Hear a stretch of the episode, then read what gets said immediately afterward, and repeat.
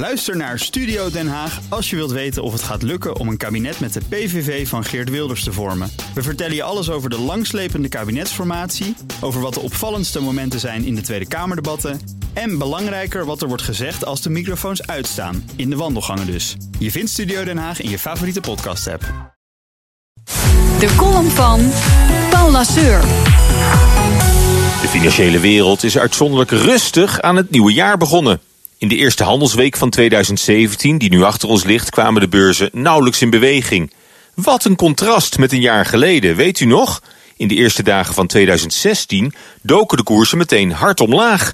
De stemming werd toen verpest door de angst voor een harde landing van de Chinese economie en de dreiging van een brexit. Maar de huidige kalmte onder beleggers nu is net zo bedriegelijk als de paniek vorig jaar. De risico's voor de markten zijn nu groter dan ooit in het Europese verkiezingsjaar dat voor ons ligt. In Duitsland, Frankrijk en bij ons gaan burgers de komende maanden naar de stembus. En meer dan ooit zal de positie van Europa inzet worden van die verkiezingen. Het voortbestaan van de EU loopt daarbij groot gevaar. Want als de Brexit één ding heeft duidelijk gemaakt, net als trouwens de Amerikaanse presidentsverkiezingen, is het wel dat serieus rekening moet worden gehouden met de meest onwaarschijnlijke uitkomsten van volksraadplegingen en verkiezingen. Intussen hebben de Britten zelf nog geen idee welke vorm de Brexit moet krijgen. Premier Theresa May heeft alleen gezegd dat ze voor eind maart artikel 50 van het EU-verdrag wil activeren, dat het vertrek van een lidstaat regelt.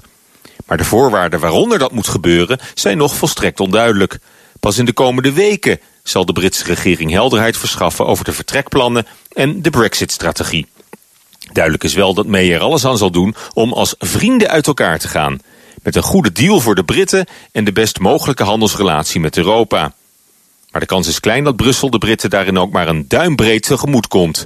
Om het besmettingsgevaar van de brexit naar andere lidstaten in te dammen... zullen de Britten juist extra hard worden aangepakt. De ondubbelzinnige boodschap naar de rest van Europa moet zijn... dat het niet loont om eruit te stappen. Dat een land buiten de Unie altijd slechter af is dan erin. Iemand die daar heel anders over denkt... is de Franse presidentskandidaat Marine Le Pen van het Front National... die volgens de peilingen grote kans maakt om in mei door te dringen... tot de finale eindstrijd. Volgens haar draait de brexit helemaal niet uit op een economische ramp. Integendeel. En goed voorbeeld doet volgen. Frankrijk is de volgende.